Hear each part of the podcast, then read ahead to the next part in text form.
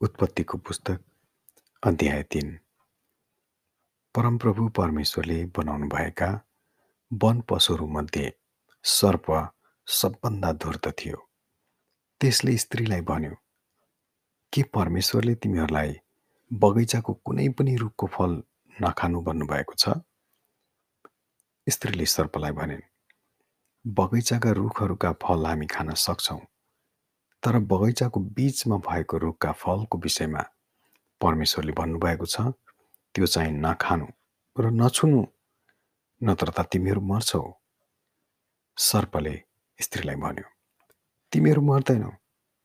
किनकि परमेश्वर जान्नुहुन्छ कि जुन दिन तिमीहरू त्यो फल खान्छौ त्यही दिन तिमीहरूका आँखा खुल्नेछन्।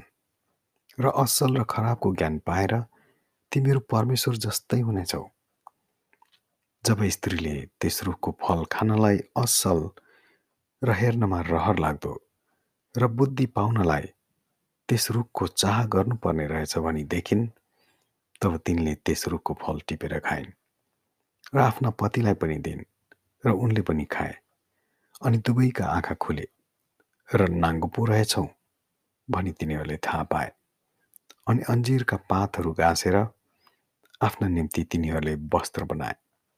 अनि साँझ पख परमप्रभु परमेश्वर बगैँचामा डुल्नु हुँदै हुँदा तिनीहरूले उहाँको स्वर सुने र मानिस र उसकी पत्नी बगैँचाका रुखहरूका बीचमा परमप्रभु परमेश्वरको नजरबाट लुके। तब परमप्रभु परमेश्वरले मानिसलाई बोलाउनु भयो त कहाँ छस्? उनले भने मैले तपाईँको स्वर बगैँचामा सुने। र म डराएँ किनभने म नाङ्गै थिएँ र म लुकेँ। उहाँले भन्नुभयो त नाङ्गै छस् भनेर कसले भन्यो? जुन रुखको फल नखानु भनी मैले तँलाई आज्ञा दिएको थिएँ के तैँले त्यो खाइस्? मानिसले भने जुन स्त्री तपाईँले मलाई मसँगै रहन भनी दिनुभएको थियो त्यसैले मलाई त्यो रुखको फल खान दिए र मैले खाएँ। अनि परमप्रभु परमेश्वरले स्त्रीलाई भन्नुभयो तैँले यो के गरिस्? स्त्रीले भने सर्पले मलाई छल गर्यो र मैले त्यो खाएँ। तब परमेश्वरले सर्पलाई भन्नुभयो तैँले यसो गरेको हुनाले त सबै पाल्तु पशुहरू र सबै वन पशुहरूभन्दा ज्यादा श्रापित हुनेछस्। पेटद्वारा त हिँड्नेछस् र तेरो जीवनभरि तैँले माटो खानेछस्। तेरो र स्त्रीको बीचमा र तेरो सन्तान र स्त्रीको सन्तानको बीचमा म दुश्मनी हारिदिनेछु। त्यसले तेरो शिर कुच्चाउनेछ र तैँले त्यसको कुर्कुच्चो डस्नेछस्।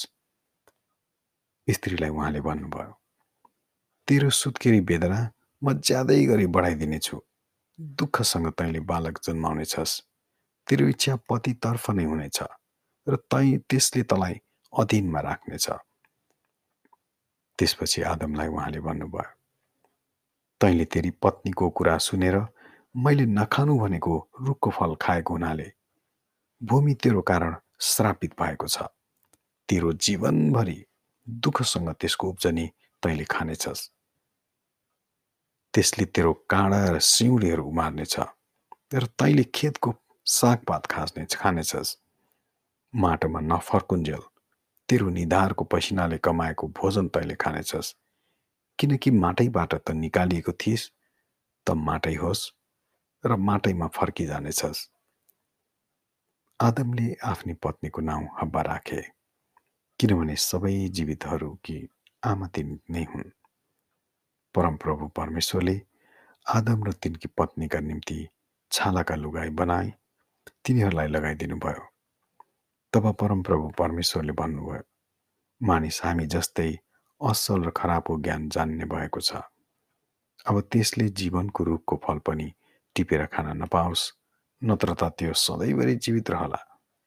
यसै कारण जुन भूमिबाट उनी बनाइएका थिए त्यसैको खेती किसानी गर्न परमप्रभु परमेश्वरले उनलाई अदनको बगैँचाबाट निकालिदिनु भयो उहाँले मानिसलाई धपाइदिनु भएपछि जीवनको रुखतर्फको बाटो पहरा गर्नलाई उहाँले अदनका बगैँचाको पूर्वपट्टि करुघहरू र चारैतिर घुमिरहने ज्वालामुखी तरवार राखिदिनु भयो आमेन।